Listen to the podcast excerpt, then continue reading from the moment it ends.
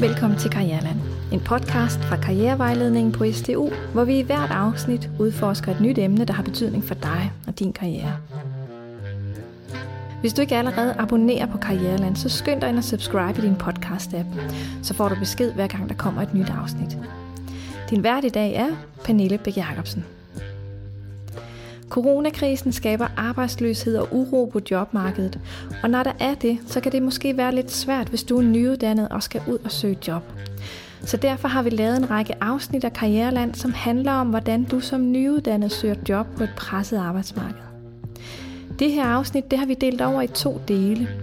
Det er et øh, vigtigt afsnit, og et afsnit, som du helt sikkert vil blive klogere af at lytte til. Det skal handle om, hvilken værdi du skaber som akademiker.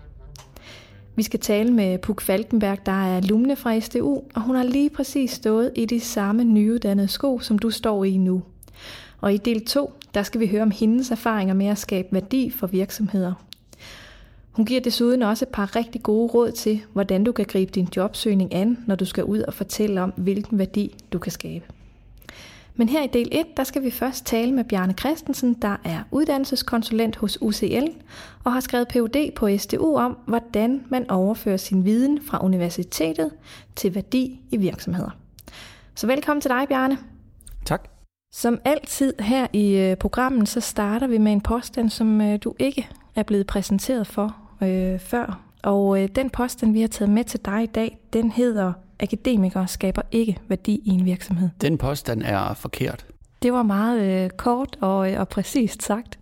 Ja, hvorfor? Fordi akademikere bidrager i høj grad til øh, værdiskabelse i øh, virksomheder.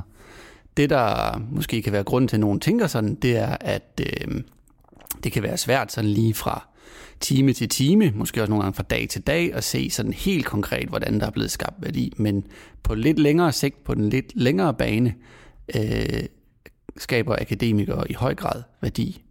Og det er jo det, vi skal prøve at blive lidt klogere på i det her afsnit her. Lad os prøve at starte med, hvordan man egentlig skal forstå det her med værdi.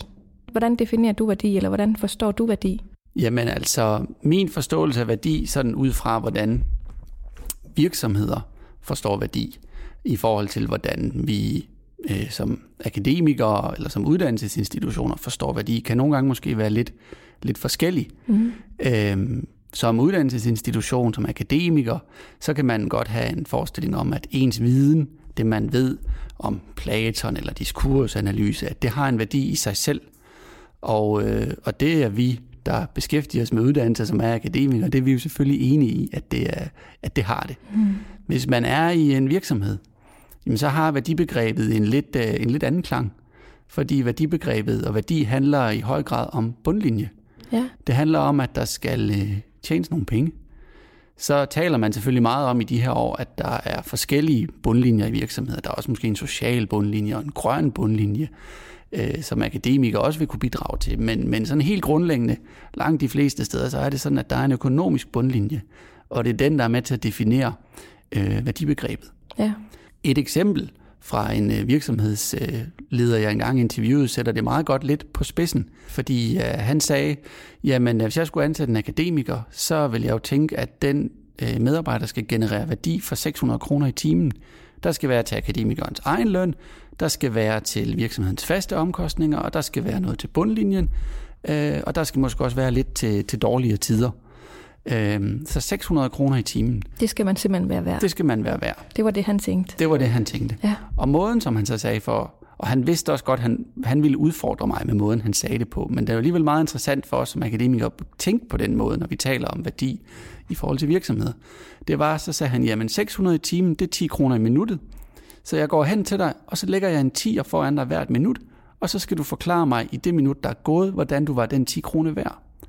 Og hvis du så undervejs siger til mig, oh, nu kunne jeg godt tænke mig en kop kaffe, så er det måske fint nok, men jeg vil bare gerne lige vide, alt afhængig af om kaffepausen tager 5 minutter, 10 minutter eller 15 minutter, om den kop kaffe så skal koste 50, 100 eller 150 kroner.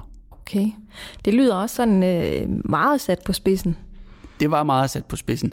Det sagde han også til mig, det medgav han også under interviewet, men som han sagde, jeg siger det, fordi jeg er lidt i tvivl om, om man som akademiker overhovedet tænker i de baner, at det er sådan, vi tænker i en privat virksomhed, særligt i en mindre virksomhed. Ja, at der skal man være det værd, som man bliver ansat til. Ja. Jeg har, jeg har en lidt mere, et andet eksempel for måske at nuancere det lidt, øh, på en virksomhed, som havde ansat en akademiker. Og øh, for den virksomhed handlede det selvfølgelig også om, at den akademiker skulle være med til at skabe noget bundlinje for virksomheden. Øh, men man havde så et lidt mere langsigtet perspektiv, end at sådan gå ind og sige, hvert minut skal du forklare, hvordan du har været en tiger værd. Mm. Den her virksomhed havde også øh, fået en bestyrelse, og det var så i den bestyrelse, man var blevet enige om, at for at være mere rustet til fremtidens udfordringer, kunne det være godt at få en, en akademiker ind, eller som de faktisk havde sagt, en, der er lidt klogere end os selv. Det havde de så fået.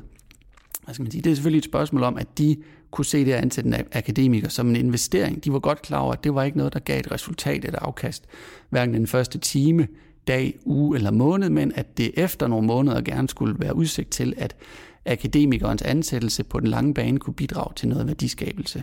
Så man kan sådan lidt, når man kommer ud der i øh, virksomhedslandskabet og øh, ja, skal ud og søge job, så kan man godt støde på sådan lidt forskellige øh, udgaver af værdi. Altså man kan støde på den helt hardcore, der siger, at du skal kunne fortælle mig øh, en hver 10 kroner eller en hver time, du er værd, hvilken værdi du så bidrager. Og så er der andre, der måske har forståelse for, at en akademiker er, også giver værdi på den lange bane, på det lidt mere langsigtede. Ja, det, øh, det er der, og det, det tror jeg nu også, at, at de, de fleste vil have, men det er selvfølgelig stadig det der med at tage beslutningen mm. om at investere, som man vil sige, i en, øh, i at ansætte en højt uddannet. Ja. Godt. Jamen, øh, lad os så gå lidt videre og sådan kigge på, hvad er det så for nogle eksempler på værdi, man som øh, akademiker kan, kan skabe? Det der med at tænke over, hvordan man kan skabe værdi, det kan man tænke egentlig på, på to måder. Mm. Øhm, man kan dels være med til at løse nogle sådan helt konkrete opgaver, og være med til at skabe værdi for virksomheden på den måde. Og derudover så kan man også være med til at sådan løse nogle mere sådan generelle opgaver på den, øh, på den lange bane, mere langsigtede opgaver det er sådan i nogle virksomheder, også i mindre virksomheder, de har måske allerede begyndende sådan, hvad skal man sige, marketingaktiviteter eksempelvis, eller HR-mæssige aktiviteter. Det kan være, at de har noget nyhedsbrev, det kan være, at de har nogle, noget hjemmeside, det kan være, at de også er begyndt at engagere sig på sociale medier. Og det er sådan konkrete opgaver, man vil kunne gå ind Det er nemlig lige præcis konkrete opgaver, som man kan gå ind og arbejde med. Nogle akademikere er konkret uddannet mm. til det, øh, nogle er ikke. Øhm, men i, i mange tilfælde vil man som akademiker også have nogle generelle kompetencer. Man er vant til at skrive, man er vant til at læse, man er vant til at analysere, man er vant til at øh, belyse problemstillinger fra forskellige, fra forskellige vinkler. Så, så det kan også det, at man er i stand, man har jo lært at lære som akademiker, så man vil også hurtigt kunne lære i mange tilfælde at løse nogle af de her konkrete opgaver. Mm. Det, det er sådan den ene del for at kunne bidrage, og det er jo det, der, det, der bidrager til, at man sådan fra dag et bidrager til en opgaveløsning, sådan så man også ligesom bidrager til noget værdiskabelse ret hurtigt. Øhm, på den lidt længere bane har man også nogle sådan mere generelle akademiske kompetencer. Det er, det er igen det her med, at man er i stand til at analysere, man er dygtig til at læse sandsynligvis, man kan skrive, øh, og det kan være med til at øh, løse nogle opgaver på den lange bane. Ja. Og hvad kunne det være for nogle opgaver på den lange bane? Øh, et eksempel på det kunne være, hvor, at man ligesom går ind og siger, jamen vi har brug for nogle gange at, som man siger, professionalisere vores virksomhed lidt. Altså vir- mindre virksomheder især er jo kendt for at være sådan øh, hurtige på aftrækkeren. Mm. Øh, de får ligesom løst de opgaver, der kommer, og er rigtig dygtige til det, og, og, øh, og omvendt så, så hører vi jo også rundt i mange virksomheder, at de nogle gange siger, at ah, det der med at tænke langsigtet, det kunne vi nogle gange godt blive lidt bedre til. Øhm, så det der med at gå ind i den mere langsigtede tænkning om, hvor skal virksomheden hen, det der med også nogle gange at kunne prøve at forstå virksomhedens udfordringer, både nu og i de kommende år, øh, på en lidt anden måde, end man måske er vant til. Det der med at have nogen, der er vant til at prøve at udfordre nogle ting, og prøve at analysere nogle ting, se ting fra forskellige vinkler, som man jo er vant til som akademiker. Det kan være med, det, der er med til, at virksomheden får truffet nogle beslutninger om, hvilken retning de skal bevæge sig i de, øh, i de kommende år. Og nu kan det selvfølgelig godt være, at jeg spørger sådan lidt frægt, men altså, kan alle ikke det? Er, er det virkelig så unikt for akademikere? Altså akademikere er i hvert fald rigtig dygtige til det. Og nu skal vi også huske, at virksomheder er jo, er jo ikke ens. Øh, så, så der vil være mange virksomheder, hvor man, hvor man gør det i forvejen, men der vil også være rigtig mange virksomheder, hvor man siger, det, det kunne vi godt blive bedre til. Det, det kan vi se i, nu jeg en PhD, det kan vi se i forskningen, at der er. Og, og det er noget, som akademikere kan gå ind og, og hjælpe dem med. Ja. Så hvis vi lige igen sådan øh, opsummerer igen, hvad er det for nogle, øh, der var nogle konkrete opgaver, Ja. som for eksempel nyhedsbreve, noget marketing, sociale medier. Er der andre sådan, Det kan også være i forhold til nogle personalemæssige spørgsmål, personaleadministration eksempelvis. ja, Det kan også være, at man rent faktisk nogle gange har nogle opgaver, som egentlig ikke er akademiske, men som man har brug for at få løst. Og hvis man som akademiker ligesom siger, okay, jamen det er jeg frisk på at gå ind og være med til at løse noget af det i en del af min tid, så kan det også bane vejen ind. ja, Så ved jeg godt, så er det ikke måske det, man lige synes, man er uddannet til, men sådan er det nogle gange i de her virksomheder. Der er mange virksomheder, hvor man ikke nødvendigvis er så snævert defineret i sin, øh, i sin rolle, hvor, man, øh, hvor opgaverne fagner bredt, spænder bredt. nej. Der betyder det ikke så meget lige præcis, hvor det er, man, øh, eller hvad det er, man har læst, men, men mere, man bidrager. Mere, hvad man bidrager med. Ja, Ja. ja. Så man behøver ikke være så... Øh, ja, nu kan vi komme til at støde nogen, men altså, man, man skal ikke være uddannelsesnoppet. Nej, nej. Øh, Det, øh, man skal være parat til at gå ind og, og løse de opgaver, der nu giver værdi. ja, lige præcis. Og selvfølgelig være bevidst om den, den værdi, man også selv kan skabe. Og der skal vi måske i forlængelse af det, så, så taler vi om her, og vi tænker måske meget også som akademikere, og taler om det som om, at akademikere, de har jo en værdi i sig selv. Og det er selvfølgelig også rigtig godt, vi prøver sådan at, prøve at sige, okay, lad os prøve at blive klogere på, hvordan det enkelte individ, den enkelte højtuddannede akademiker, har noget viden og nogle kompetencer, som kan omsættes til at bidrage til nogle løsninger i nogle virksomheder. Men det er også vigtigt at understrege, at hele præmissen om, at en akademiker har en værdi, at den skal vi måske også udfordre, fordi mest værdi skaber akademikere i virksomheder, når de samarbejder med andre. De her virksomheder, de er jo stærke fagligheder inden for det, de nu øh, beskæftiger sig med, om det så er fødevare eller øh, maskinfabrikker, eller hvad det nu kan være. De er jo eksperter på deres fagfelter. Øh, så man har jo brug for som akademiker, for at kunne bidrage til at løse nogle udfordringer, har man jo brug for at forstå, hvem de er, forstå deres fagligheder, forstå deres udfordringer. Fordi det er i det, hvad skal man sige, møde, samspil, samarbejde, at de gode løsninger bliver skabt. Så i der, der bliver faktisk også nysgerrigheden på andre, og, og det der med at kunne forstå øh, ting fra flere vinkler, kunne sætte sig i den anden sted, eller kunne sætte sig i øh, andre situationer. Ja, ja det, bliver helt, det bliver helt afgørende. Der Ja. kan man igen, det du spørger ind til, der, så kan man egentlig igen trække på sin sådan generelle akademiske kompetence. Øh, den der analytiske kompetence til at kunne forstå forskellige kontekster, og hvad der er på spil i forskellige kontekster. Kan man sige det så skarpt, at en, en akademiker ikke har værdi i sig selv, men mest i samarbejde med andre? Altså i forhold til øh, virksomhedsperspektivet, så ja. Og det, og det tror jeg, og det gælder jo, tror jeg, uanset om man er akademiker eller hvad man er. Altså de fleste mennesker, når de går på arbejde, skaber jo løsninger sammen med andre mennesker. Ja. Det er måske også en god, øh, god tilgang at have lidt i hovedet, ikke? At, at det er sammen med andre, jeg får skabt det her. Det er ikke øh, mig i sig selv, øh, der giver en masse. Mm, ens viden og kompetencer er selvfølgelig et udgangspunkt, som mm. er vigtigt. Så det skal man ikke aflære. Altså det skal man have med som, øh, som et vigtigt udgangspunkt. Altså man skal huske sin rygsæk af faglighed og viden, både de konkrete kompetencer og de mere sådan generelle akademiske kompetencer.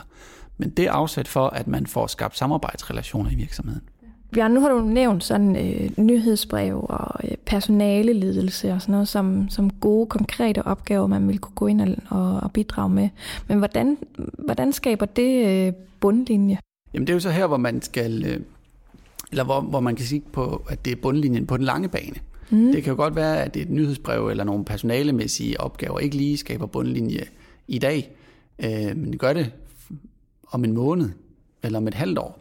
Og for så vidt angår mere sådan opgaver personalemæssig karakter, så, øh, så handler det jo også om, at øh, virksomheder i højere grad, højere grad får brug for at fokusere på, jamen, øh, hvordan er man en god arbejdsplads? Ja, Hvordan sørger man for at bidrage til, at medarbejderne har det, har det godt, og kan øh, bidrage mest muligt? Hvordan får man sygefraværet ned, for eksempel? Hvordan får man medarbejdertilfredsheden op? Det er sådan et eksempel på nogle, hvad skal man sige, opgaver. Hvor man på den måde kan se, at, øh, at bundlinjen bliver øh, balanceret bedre. Ja, Ja. ja. Mm. Er der andre gode øh, værdier, som man giver som akademiker? Jamen altså det her med, at man har en generel akademisk kompetence, og det lyder sådan meget abstrakt, og det er det måske også, men faktisk så kan vi se, at det er den, der især på den lange bane er med til at skabe værdi. Altså det her med, at man måske er vant til at analysere øh, romaner, eller noveller, eller litteratur, eller læse Platon, eller hvad det nu kan være, jamen øh, Det kan man faktisk også bruge til at prøve at forstå, hvorfor at en virksomhed har udfordringer med deres kunder. Ja. Eller hvordan de kan få nogle nye kunder. Ja. Eller det kan bruges til at generere noget viden og forståelse om, hvad man skal gøre som virksomhed, hvis man gerne vil have fat i nogle bestemte kundetyper. Ja. Det er jo sådan en generel analytisk kompetence, man godt kan tage med ind til mange andre ting, end at analysere litteratur. Det kan i princippet også øge en forståelse for, hvem er vores kunder, hvem er vores marked. Og nu nævner du coronakrisen, og der er jo desværre udsigt til, at det er skidt for, øhm, for akademikere. Man kunne også vente om at sige, at det giver virksomheden en masse udfordringer, den her krise. Ja. Og det kan jo være, at det netop er nu, at man som virksomhed også kan have gavn af at prøve at tænke helt nyt og lade sig selv udfordre og få brug for nogle nye kompetencer, der kan være med til at vise vejen ud af krisen. Ja, så måske kan der faktisk være nogle udfordringer, øh, som en akademiker lige præcis ville kunne gå ind Ja. og, og Hvis vi nu har løse. et marked, vi er vant til at sælge en del af vores produkter til et eksportmarked, og det lige pludselig øh, stagnerer eller går tilbage, jamen hvordan får vi så fundet ud af, hvad vi så skal? Mm. Nogle af de virksomheder, jeg har undersøgt, der, der har de faktisk sagt til mig nogle gange, det har været lidt tilfældigt nogle gange, de kunder, de har, at de sådan er kommet. Øh, men det var jo fint, så var der nogle kunder, og så kunne man selv sælge noget til dem. Det der med at sætte sig ned og sådan mere analytisk prøve at undersøge, hvem man kan sælge noget til, eksempelvis. Det, øh, det er nogle steder, der man ikke har været vant til. Det er også det, du sådan har, øh, har talt om, når vi tidligere snakkede sammen, med at, det, at akademikere er med til at professionalisere øh, Ja. virksomheden. Altså Ja. få sat ting i struktur, eller ja, få gjort, at ting Ja. ikke er så øh, tilfældige. Ja, lige netop, og det, det, er, jo, det er jo også eksempler på, at, at man simpelthen siger, jamen ens kunder, det er sådan, ja, nogle gange lidt tilfældigt, det er der faktisk nogle virksomheder, der har, der Mhm. har sagt, at, at det er, men så længe kunderne er der, er det jo fint, men den dag kunderne ikke er der mere, så kan man nogle gange have brug for at arbejde lidt mere, hvad skal man sige, analytisk, strategisk i forhold til, øh, til kunder. Så det jeg også hører derude, det er, at der er nogle krav i omverdenen, som simpelthen ændrer sig. Mange mindre virksomheder har sådan lidt lidt hurtigt nogle gange kunne lave nogle, nogle aftaler med nogle, med nogle kunder, men øh, det bliver også mere og mere komplekst, og dem, de samarbejder med, mange virksomheder, får også ansat flere akademikere, og der er også flere og flere virksomheder, som får brug for at byde ind på udbudsmateriale, for eksempel. Der er også flere og flere virksomheder, der får brug for lidt mere at formalisere nogle samarbejder. Øh, og der kan man sige, det er nogle gange i virksomheder, så har man ikke været vant til sådan at tænke det der med at få formaliseret tingene, eller få professionaliseret det. Men det kan godt være, når man får nogle samarbejdspartnere, at man har brug for nogen, der kan beskrive nogle planer for, hvordan skal det samarbejde fungere. Ikke nødvendigvis kun på det juridiske plan, men simpelthen få præsenteret og foldet ud, hvad, hvorfor er det, vi samarbejder, hvad skal der komme ud af det mellem os som virksomheder. Og, og de opgaver der, hvordan skaber de værdi? Jamen, de skaber værdi på den måde, at de bidrager til nogle mere sådan langsigtede, og som nogle virksomheder siger, professionelle kundeforhold Ja. og leverandørforhold. Øh, og det skaber værdi på den måde, at det, simpelthen, at det bliver mere og mere sådan, man gør. Så man kan sige, mange måder virksomheder arbejder på, bliver også af forskellige omstændigheder mere akademiske. Mm.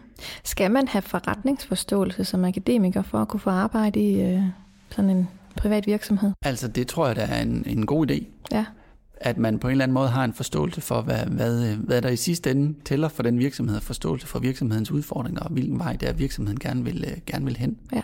Det tror jeg, der er en helt klar idé. Men det er også vigtigt at sige, at det vi også skal huske som akademiker, nu taler om de her konkrete kompetencer. Selvom man ikke har konkret kompetence i at lave øh, sygefraværsanalyser, eller selvom man ikke har konkrete kompetencer i at lave forretningsplaner, eller skrive nyhedsbrev, eller hvad det er, så har man de generelle akademiske kompetencer. Mm-hmm. Man har virkelig en ballast til at gå ind så og lære de her konkrete opgaver nogle gange. Ja. Det kan godt være, at man nogle gange har brug for at få nogle ekstra kurser i markedsføring på sociale medier. Men fordi man er akademiker, så kan man relativt hurtigt lære nyt. Man er vant til at lære nyt. Man er vant til at lære nyt, og det er det, der virkelig også er styrken. Mm. Øh, så det kan man bruge til at lære nogle helt konkrete opgaver, og så skal man også huske lige at støve selvtilliden af, og så sige, når man er vant til at skrive lange opgaver og lave lange analyser af litteratur eller markeder, altså akademikere er jo, er jo mange forskellige fagligheder, men uanset hvad, så har man nogle generelle kompetencer, og dem kan man altså bruge til rigtig mange ting. Ja. Og der skal vi måske også sådan kigge ind som akademikere nogle gange til at sige, selvom jeg ikke lige har haft et kursus i at skrive forretningsplan, eller selvom jeg ikke lige har haft et kursus i at at definere og prøve at beskrive et samarbejde med en leverandør, jamen øh, så finder jeg ud af det. Ja. Fordi jeg sandsynligvis, fordi det jeg har den her akademiske ballast, gør alt andet lige, at jeg er, er, er bedre forudsætninger for at gøre det, end så mange andre. Så hvis man kan tage en pipi-tilgang med, ikke? Jo. det har jeg ikke prøvet før. Det finder jeg nok ud af. Lige netop. Ja. Og det, det er jo klart, at det har man jo ikke lært som akademiker. Det er jo ikke det, man, man ligesom er blevet skolet i, så der skal man nok også prøve at udfordre sig selv lidt.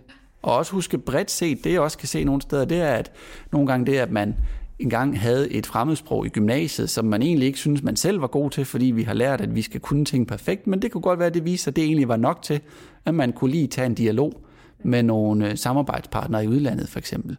Så man skal også lige nogle gange hen og justere sine egne øh, forventninger til. Ja, man skal huske, at man skal ikke ligesom demonstrere faglighed på samme måde, som man skal over for professoren til eksamen. Nej, det er en anden form for... Øh... Det er en anden form for faglighed. Mm. Godt. Men det bringer mig måske lidt til det næste spørgsmål. Altså, hvordan ser man egentlig på akademikere uden for sådan den akademiske verden, for eksempel i små og mellemstore virksomheder? Ja, altså, der kan jeg jo starte med en lille sjov fortælling, som også var sådan lidt med et glimt i øjet, men der var en virksomhed, jeg, var, jeg besøgte en gang, som havde ansat en akademiker, og de sagde, de jokede sådan lidt med, at ja, nu havde de akademikere, men det var jo godt, de ikke ligesom var startet med akademikere, for så var de jo aldrig kommet nogen vegne. Mm. Altså sådan lidt underforstået akademikere, det er sådan nogen, der sidder over hjørnet på et skrivebord og ikke rigtig laver noget. Okay, ja. Det var sagt med et glimt i øjet, og for ligesom at, at illustrere lidt nogle af de pointer, vi har været, været inde på. Mm. Øhm, for i bund og grund, så er man ikke nødvendigvis så optaget af, om man nu lige er akademiker, eller faglært, eller ufaglært, eller hvad man er. Øh, man er meget pragmatisk. Det handler om at få løst nogle opgaver. Og de her opgaver, man løser, de skal bidrage til noget bundlinje. Ja. Så det handler og så kan i... du kalde dig, hvad du vil. Ja. Groft sagt. Så det handler i bund og grund om at få skabt en sund forretning. Ja, det er det. Og det handler om at sætte ord på, hvad er det, så du kan bidrage med som medarbejder i den her forretning. Så om man er kendt med i øh, historie, eller man er kendt mærker, eller øh, naturvidenskab og tech, hvad vi nu er sund, hvad vi har her på, mm. på stedet, det er ligegyldigt. Men det handler om de kompetencer, du tager med ind, øh, og hvordan du kan se, at de kan bringe værdi. Ja, hvordan du kan sandsynliggøre for virksomheden, hvordan dine kompetencer kan skabe værdi, ja. og hvilke opgaver du kan gå ind og løse. Hvordan er det så, man skal fortælle om sin værdi, eller den værdi, man kan skabe til virksomheder? Jeg tror, det er vigtigt at tage udgangspunkt i virksomheden. Ja. Og igen, den her nysgerrighed, du var lidt inde på før, tror jeg også er vigtig.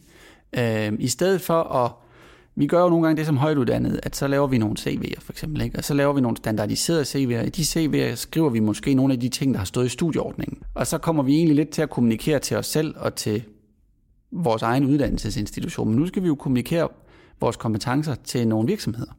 Så der kan det være vigtigt at tage udgangspunkt i at prøve at forstå virksomhedens udfordringer, forstå virksomhedens situation, blive klogere på, hvem er det, og der kan man også nogle gange simpelthen være at kigge på virksomhedens hjemmeside, på deres, hvis de har sociale medier, man kan også se, om man kan finde lidt ud af virksomheden ved at undersøge lidt på, på nettet. Altså, der, der kan stå mange ting om mange forskellige virksomheder, som man kan sige noget om, hvad er det for nogle udfordringer, de har. Hvad er det så, man kan være nysgerrig på? Man kan jo for eksempel være nysgerrig på, hvis man, hvis man fik lejlighed til at gå ind og få en dialog med en virksomhed, så kunne man jo være, være nysgerrig på deres, hvordan de selv ser på deres egne både muligheder og udfordringer.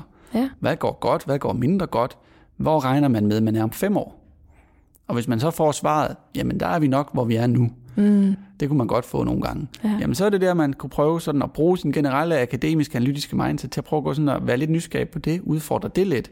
Ja. Hvis det nu er en, det kunne godt være en mindre håndværksvirksomhed eller en entreprenørvirksomhed, der sagde, jamen det, det går jo godt, det har gået godt i mange år, det bliver det sikkert ved med, og om, om 10 år er vi, hvor vi er i dag, og så kunne man gå ind og sige, hmm, jamen øh, er du klar over, at øh, det første 3D-printede hus øh, er bygget. Øh, og så på den måde prøve at få en dialog i gang, altså prøve at finde nogle huller i osten, så at sige. Jeg kan prøve at gå ind og udfordre ja. de her virksomheder. Se om der er noget, man kan rykke, eller noget, man kan gøre bedre, eller nogle steder, man vil kunne bringe øh, virksomheden hen, ja, som præcis. de kunne være interesseret ja. i. Fordi det kan være afsæt for, at man prøver at få sat nogle ord på, hvad er det så for nogle konkrete udfordringer, de har, man kan være med til at løse. Ja, så man kan sige, at det her med, når man skal fortælle om sin værdi, eller den værdi, man kan skabe, øh, så starter det faktisk ikke der. Det starter med spørgsmålene til virksomheden. Ja. Og få sat sig i deres sted. Ja. Og måske også øh, de spørgsmål, man stiller, kan være med til at afspejle den værdi, man tænker, man kan Ja, lige præcis. Med. Altså det, man skal i, i, i den samtale, det er at prøve at finde ud af, Inden da kan det være rigtig afklare, godt afklare, hvad man selv ved. Mm. Også hvad man ikke ved så meget om. Og i det spørgsmål, der kan man også få belæg for, hvad ved virksomheden? Ja. For de ved jo også noget. Men der er også nogle ting, virksomheden ikke ved. Og i det samspil mellem nogle af de ting, virksomheden måske ikke ved noget om, men det man selv ved noget om, det er der, der kan opstå nogle nye muligheder. Ja. Og så kan det godt være, at der er også nogle ting, man ikke selv ved, Men det er så her, vi har Pippi Langstrømpe tilgang og muligheden for, at vi igen husker, at akademikere har lært at lære, og der er noget, man kan lære sig selv i virksomheden ved at samarbejde med mennesker, og det kan også være, at man kan lære noget ved at få noget, ja, nogle konkurser eller nogle kompetencer eller et eller andet bygget på.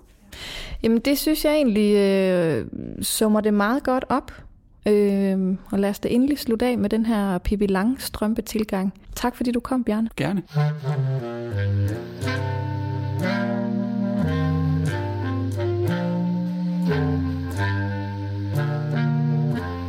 Det var del 1 i øh, det her afsnit om, hvilken værdi du skaber som akademiker.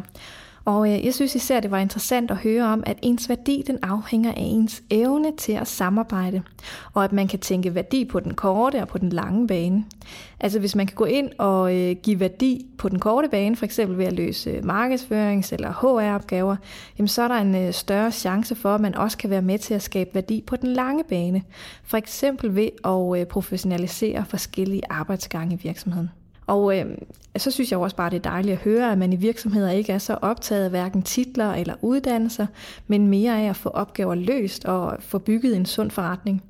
Det giver jo i og for sig rigtig god mening.